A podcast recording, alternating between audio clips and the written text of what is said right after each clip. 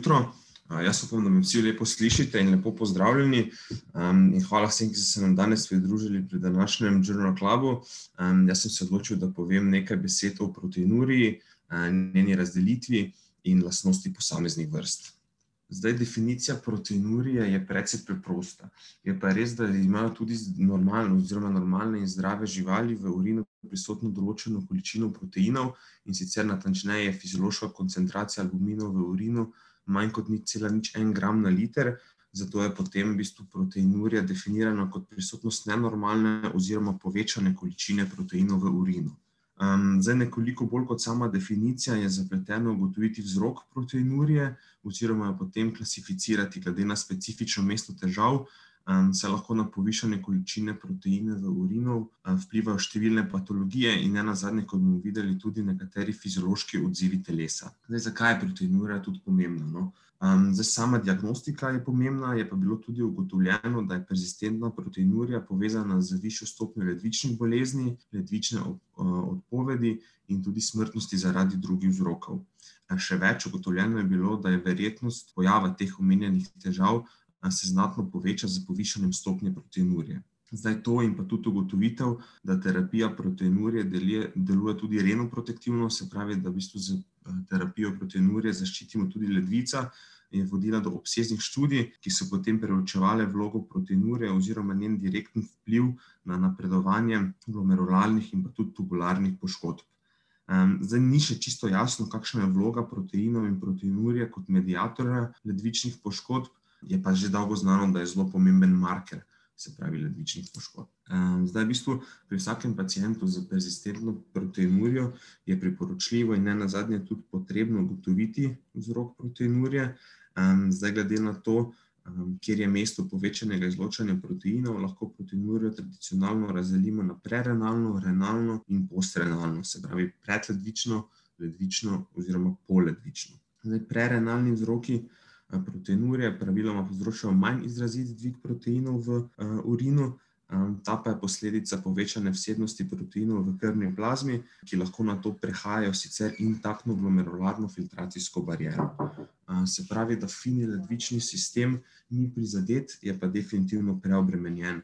Temu potem pravimo tudi overload proteinurija. Zdaj, to lahko povzroči bodisi povečane vsebnosti proteinov, ki so tudi normalno prisotni v krvni plazmi, tukaj je kot recimo kot primer je hemoglobin, zdaj njegova vsebnost oziroma vsebnost hemoglobina v krvi se lahko poveča pri hemolizah različne etiologije, tukaj imamo potem spet eno plejado možnih vzrokov, in pa recimo mioglobin.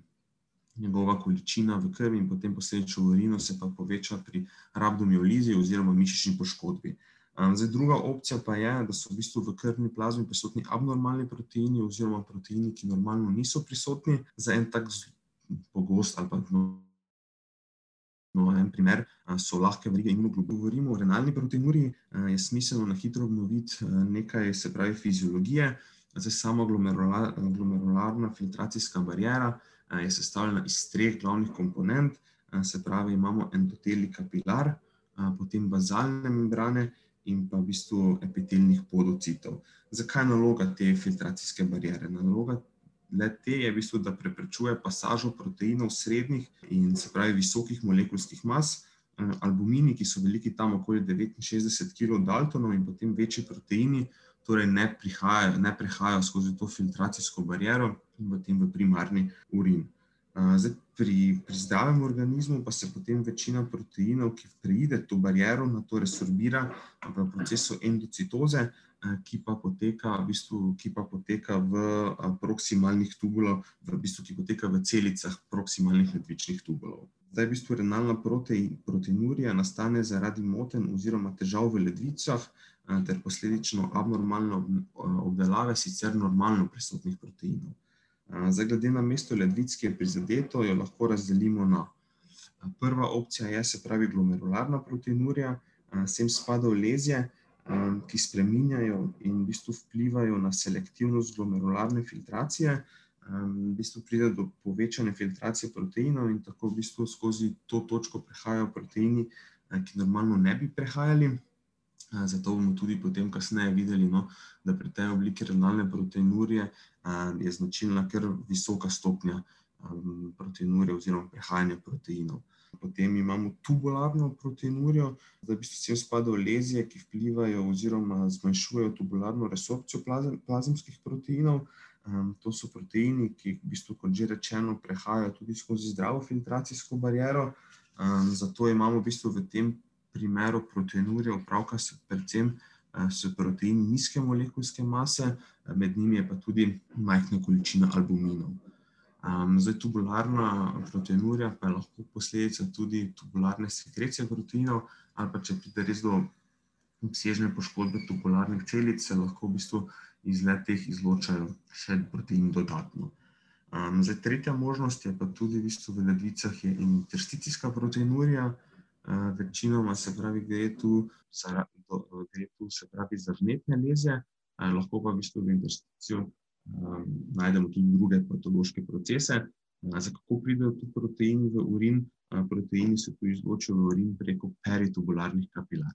Zdaj, znotraj same skupine renalnih proteinurij imamo še eno podmnožico, ki pa lahko dejansko opredelimo kot funkcionalna oziroma fiziološka proteinurija. Um, za njo značilno predvsem blago uh, in pa prehodno povišanje količine proteinov v urinu. Um, to pa je lahko v bistvu posledica um, velikega telesnega napora. Um, to lahko opazimo, mislim, če so vsi delavni, pa so delali na nekih akcijah, pa predvsem pri dirkalnih vrtih. V bistvu ta fiziološki odgovor lahko povzroči tudi um, povišena telesna temperatura, se pravi vročina, ki privede do denaturacije proteinov in pa res ekstremne temperature okolja. Zdaj naveden kot eden izmed možnih vzrokov je tudi stres in pa ne na zadnje epileptični napadi. Zdaj, če pride do res močno izraženih tonično-kloničnih krčev, lahko le ti predstavlja kar veliko obremenitev za organizem.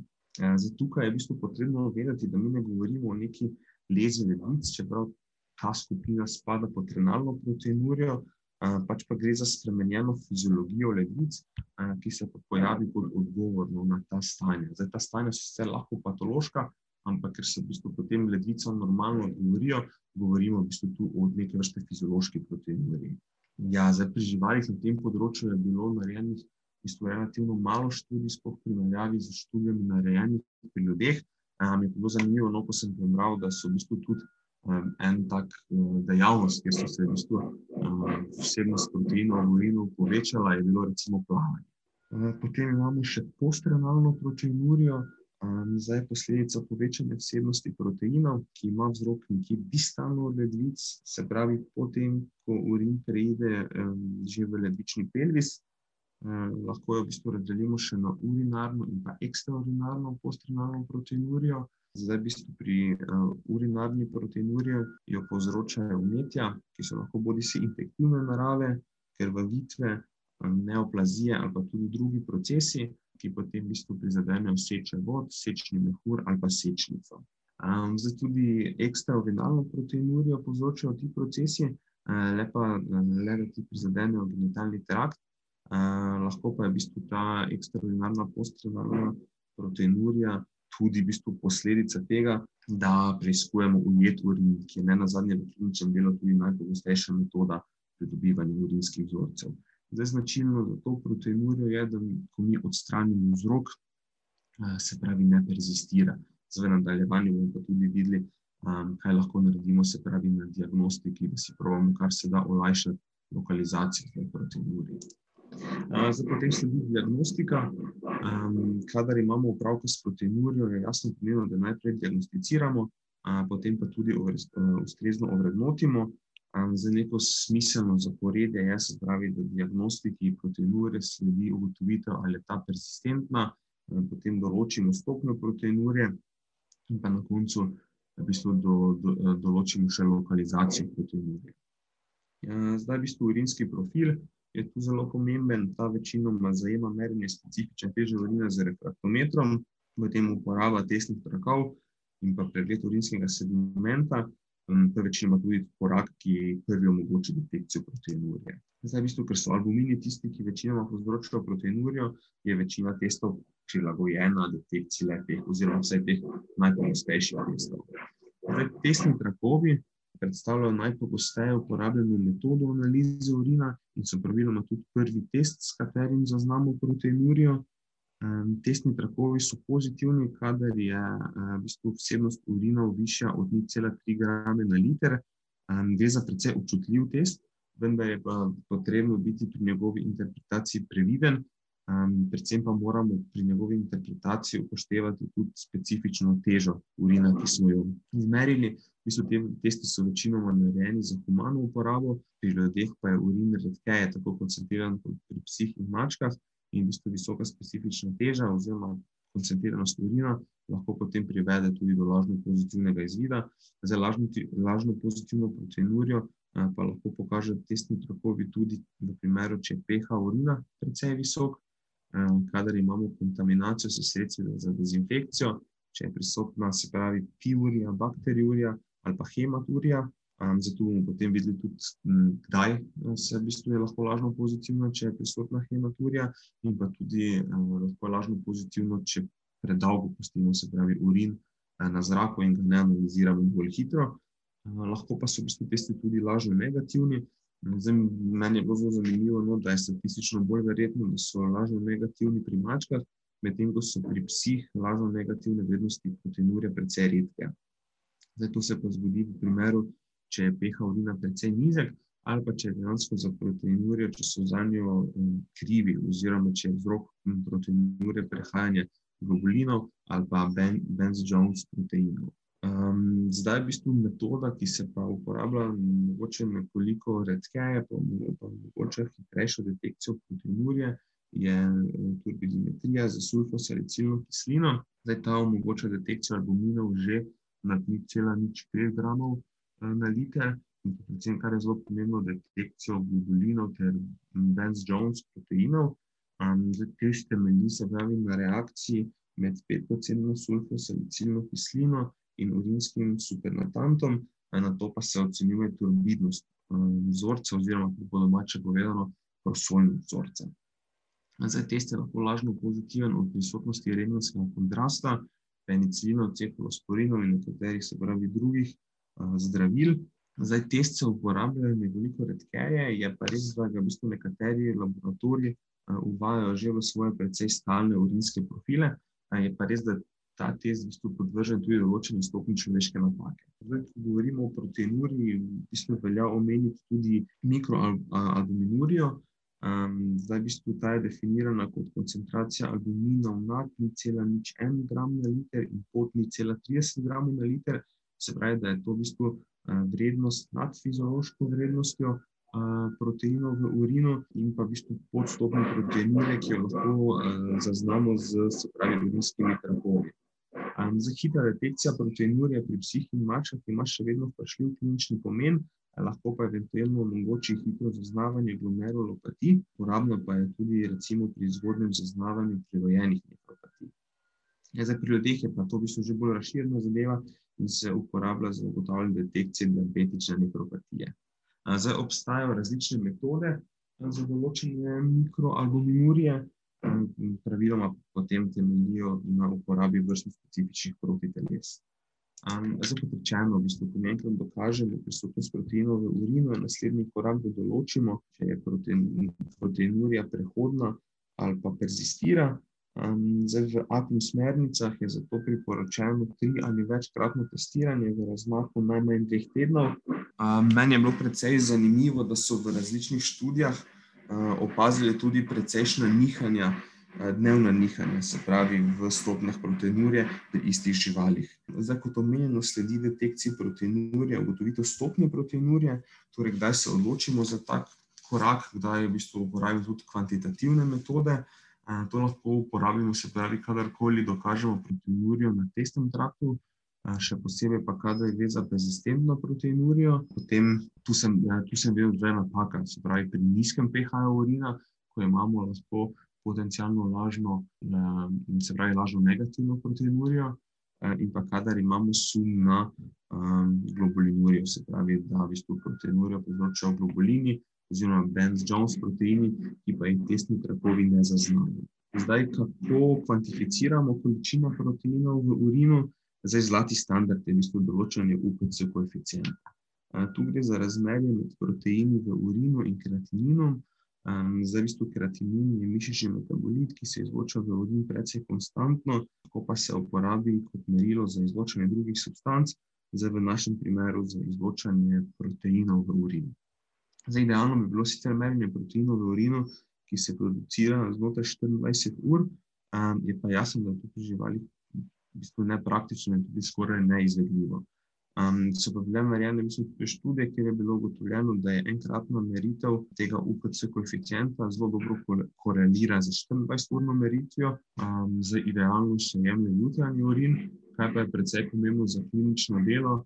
Je to, v bistvu, da je ujet vzorec urina in v bistvu zelo primerljiv vzorec, primerljiv za cisto centezo. Seveda pa je v bistvu to velja pri neaktivnem sedimentu urina. Zdaj, če imamo v bistvu aktivni sediment, moramo biti pri interpretaciji precej pozorni. Prisotnost vnetja v urinarnem traktu oziroma piurje lahko vpliva na UPC, ter ga lažno poviša, in pa kot že prej omenjeno, tudi hematurija lahko vpliva na UPC, vendar pa le takrat, ko je precej izražena, se pravi takrat, ko je vidna že makroskopsko, oziroma bolj natančno, kadar imamo več kot 250 eritrocitov na vidno polje. Zdaj, preiskavo moramo vedno interpretirati skupaj s podatki o specifični teži in pa se pravi, kot rečeno, so podatki o um, urinskem sedimentu. Zdaj, interpretacija pri psih se minimalno razlikuje od interpretacije pri mačkah, v bistvu tako psi in mačke, ki imajo UPC pot 0,2, so smatrani kot neproteinurični, zdaj psi v tem intervalu z UPC nad 0,2 in pot 0,5 spadajo se pravi kot borderline proteinurični in gre za mejne vrednosti, pri katerih je potrebno upraviti nadaljne preiskave oziroma pač te vrednosti spremljati. Za mačke leži ta vrednost med 0,2 in pot 0,4, potem bistvu psi, ki pa imajo UPC nad 0,5, spadajo v proteinurične živali, za mačke pa ta meja nad 0,4. Um, zdaj, potem je pomembno tudi določene lokacije proteinurije. Um, to je lahko precej kompleksno, zajema pa v bistvu natančno anamnezo, dober klinični pregled, uh, vedno tudi interpretacijo urinskega profila. V posameznih primerih pa se pravi, potrebno biti tudi ustrezne krvne preiskave, torej v bistvu ugotoviti, ali je prisotna disproteinemija in pa po potrebi narediti, se pravi, urinsko kulturo, da se ugotovi, če je v bistvu prisotna infekcija. Zdaj, tukaj je v bistvu navedenih nekaj korakov, s katerimi si lahko pomagamo pri lokalizaciji proteinurije. Zdaj, dejansko možna izključitev ekstraordinarne postrinalne proteinurije, priporočljiv se pravi odzem urina s cistocentezo, um, tako se pravi, lahko res določimo, se pravi, da je vzrok nekje v urinarnem traktu, potem za izključitev prerenalne proteinurije je potrebno v bistvu ovrednotenje plazemskih proteinov, oziroma že kot rečeno, substanc, ki, ja, ki lahko v bistvu povzročajo prerenalno proteinurijo. To ponavadi se pravi ugotovimo s krvnimi preiskavami in ugotovimo prisotnost morebitne disproteinemije. Zdaj, v tem primeru, potem, ko dejansko izključimo te zadeve, vidimo, da je vzrok nekje v urinarnem traktu. Potem lahko v bistvu potrdimo urinarno postrenalno proteinurijo tako, da se pravi najdemo znake vnetja oziroma krvavitve v urinskem sedimentu z ali brez kliničnih znakov, se pravi vnetja distalnega urinarnega trakta, je pa tu pomenilo, da nimamo znakov, se pravi kliničnih znakov nefritisa.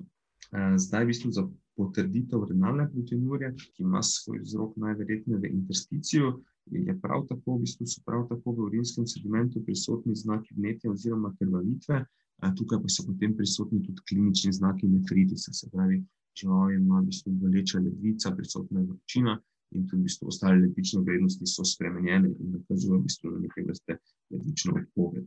Zdaj potem, če je protein, če, če ugotovimo v bistvu, da je proteinurija urinarna, vendar pa nimamo v urinskem sedimentu prisotnih znakov vnetja oziroma krvavitve, so lahko potem v bistvu vzroki sledeči. Če imamo opravka, se pravi, za funkcionalno renalno proteinurijo, bo v bistvu proteinurija bolj blaga, predvsem pa, kar je pomembno, prehodna, zato je tu res pomembno, se pravi, da opravimo več preiskav urina. Če je dejansko v bistvu vzrok proteinurije v ledvičnih tubusih, v bistvu bo proteinurija običajno blažja, vendar bo persistirala, občasno pa tu v bistvu najdemo tudi, se pravi, glukozurijo pri normalni glukozi v krvi ali pa tudi v bistvu abnormalne ekskrecije bistvu elektrolitov, opazimo nekaj sprememb v elektrolitih, ki nakazujejo na nenormalno lebično funkcijo. Zdaj, v bistvu, kadar pa je v bistvu, um, proteinurija glomerularna, um, v bistvu je lahko proteinurija v bistvu vseh stopenj, običajno pa je bolj izražena in predvsem persistentna. Zdaj, kot bomo videli, je v bistvu ravno ta diferenciacija med tubularno renalno proteinurijo in glomerularno renalno proteinurijo precej težka. Um, lahko si pa predvsem pomagamo z stopnjo proteinurije, ki je dober pokazatelj mesta izgube beljakovin. Zdaj, v bistvu, kaj to pomeni? Uh, to pomeni, da izguba velikih količin proteinov, visoko razmerje UPC, se praviloma pojavi pri glomerularni bolezni. Tukaj imamo ponovadi v bistvu UPC večji kot 2, včasih pa je v bistvu UPC tudi zelo visok, se pravi med 5 in 10. Zakaj je tu mogoče zanimivo, je, da v bistvu izjema so pa je pa leptospira, oziroma leptospiroza, ki načeloma povzroča poškodbe ledvičnih tubulov, pri njej pa je lahko UPC zelo visok. Zdaj, pri v bistvu, um, razdelitvi, oziroma pri detekciji, ali je proteinurija glomerularna ali tubularna, si lahko v bistvu pomagamo tudi z eno metodo, to je tako imenovana SDS Page metoda. Um, tu se zdaj ne bi spuščal preveč podrobnosti te metode, uh, vendar gre v bistvu za neke vrste elektroforezo, s katero lahko potem uh, določimo oziroma ločimo proteine glede na njihovo molekulsko maso in v bistvu, kot rečeno že prej. Pri tubularni patologiji, ker so to, tumor, ker so to v bistvu proteini, ki prehajajo tudi normalno, se srečujemo z proteinurijo nižjih uh, molekulskih mas, pri glomerulni patologiji pa so v bistvu ti proteini v urinu višjih molekulskih mas. Da bi še pa v bistvu rekel samo nekaj besed o glomerulopatiji, lahko jo delimo se pravi na primarno oziroma sekundarno. Zdaj, za primarno glomerulopatijo je značilno, da se v bistvu proces nefropatije in težav začne v samem glomerulu, ne glede na to, kaki je v bistvu mehanizem patologije. Medtem ko v bistvu se pri sekundarni glomerulopatiji poškodba glomerula zgodi sekundarno, potem, ko je najprej prizadet nek drug del ledvic, se pravi, bodi si je to tubul, bodi si pa je to dejansko prizadet celoten nefron. Zdaj, v bistvu v enem članku, kjer je dejansko skupina strokovnjakov um, opisala oziroma naredila konsenzus pri diagnostiki glomerulopatij, um, so le te razdelili, se pravi, v osnovi v tri kategorije, vsaka izmed njih pa ima potem še podskupine, glede na značilnosti. Zdaj, jaz sem tu upisal predvsem te tri glavne kategorije. Spravi, kategorijo ena, najnižjo kategorijo, eh, spadajo živali, v bistvu, pri katerih imajo glomerulopatijo in v bistvu je znak persistentna renalna proteinurija. Eh, v drugo kategorijo spadajo živali, ki imajo poleg tega v bistvu še zmanjšano število aluminov v krvi. Eh, v tretjo skupino pa potem spadajo živali, ki imajo še ledvično azotemijo. Um, zdaj, v bistvu, kakšna je diagnostika glomerulopatije? Večinoma zahteva precej poglobljen pristop in bi se tudi kar nekaj diagnostičnih preiskav. Definitivno je potrebna podrobna anamneza in pa natančen klinični pregled. Tukaj ocenjujemo v bistvu predvsem uh, tudi body condition score, pomembno je tudi merjenje krvnega pritiska in pa tudi pregled oči, se pravi, da se v bistvu natančno in dobro pregleda retina, ker lahko v bistvu pri povišanem tlaku pride tudi do težav z očmi. Zdaj v laboratoriju, kot vidimo, je potrebno narediti kar nekaj tudi diagnostike, se pravi osnovna krvna slika, potem biokemija, tako kot pri ostalih zadevah, spada sem tudi urinski profil, pregled sedimenta, po potrebi upravljena kultura urina in pa UPC. Zdaj, glede na to, na, v bistvu, na endemična področja, v, se, v katerih se nahajajo živali in pa tudi vprašamo še več žive anamnezije, ali so v bistvu ima žival zgodovino potovanja, je potem možno, v bistvu preve, oziroma potrebno preveriti tudi morebitne infekcijske vzroke. Zdaj, tukaj so v bistvu navedeni nekaj povzročiteljev, ki lahko povzroča spreglomerulopatije. To je leptospira, anaplazma, obezija, elihija, borelija in pa dirofilarja. Zato je mogoče zanimivo, no, da nas vedno zanima, ali so v krvnem vzorcu prisotna protitelesa, ker so v bistvu imunski kompleksi med povzročitelji protitelesi tisti, ki povzročajo potem glomerulopatije. In tukaj je manj pomembno dejansko, da diagnosticiramo PCR oziroma pač prisotnost samega povzročitelja. Zdaj, višja kot je kategorija glomerulopatije, več nadaljne diagnostike je potrebno kar je v bistvu precej jasno, potem v nadaljno diagnostiko pa se dejansko vključuje tudi ultrazvok, po potrebi rengen toraksa in potem nadaljne preiskave. Je pa potrebno povedati tudi, da pogosto ni mogoče najti nobenega vzroka, se pravi glomerulopatije, možna, v bistvu možna diagnostika pa se potem lahko uporabi tudi, se pravi biopsija prizadetih ledvic. Zdaj, to bi bilo z moje strani vse, kar se tiče proteinurije. Um, zdaj, o glomerulopatiji sem povedal več nekaj besed. Um, zato, ker potem spada še jasno, potem, kakšne so se pravi možnosti terapije te, pa zdaj mislim, da nažalost pač danes ne bo časa. Um, tako da hvala vsem za pozornost, uh, pa lep dan, no vam potem želim.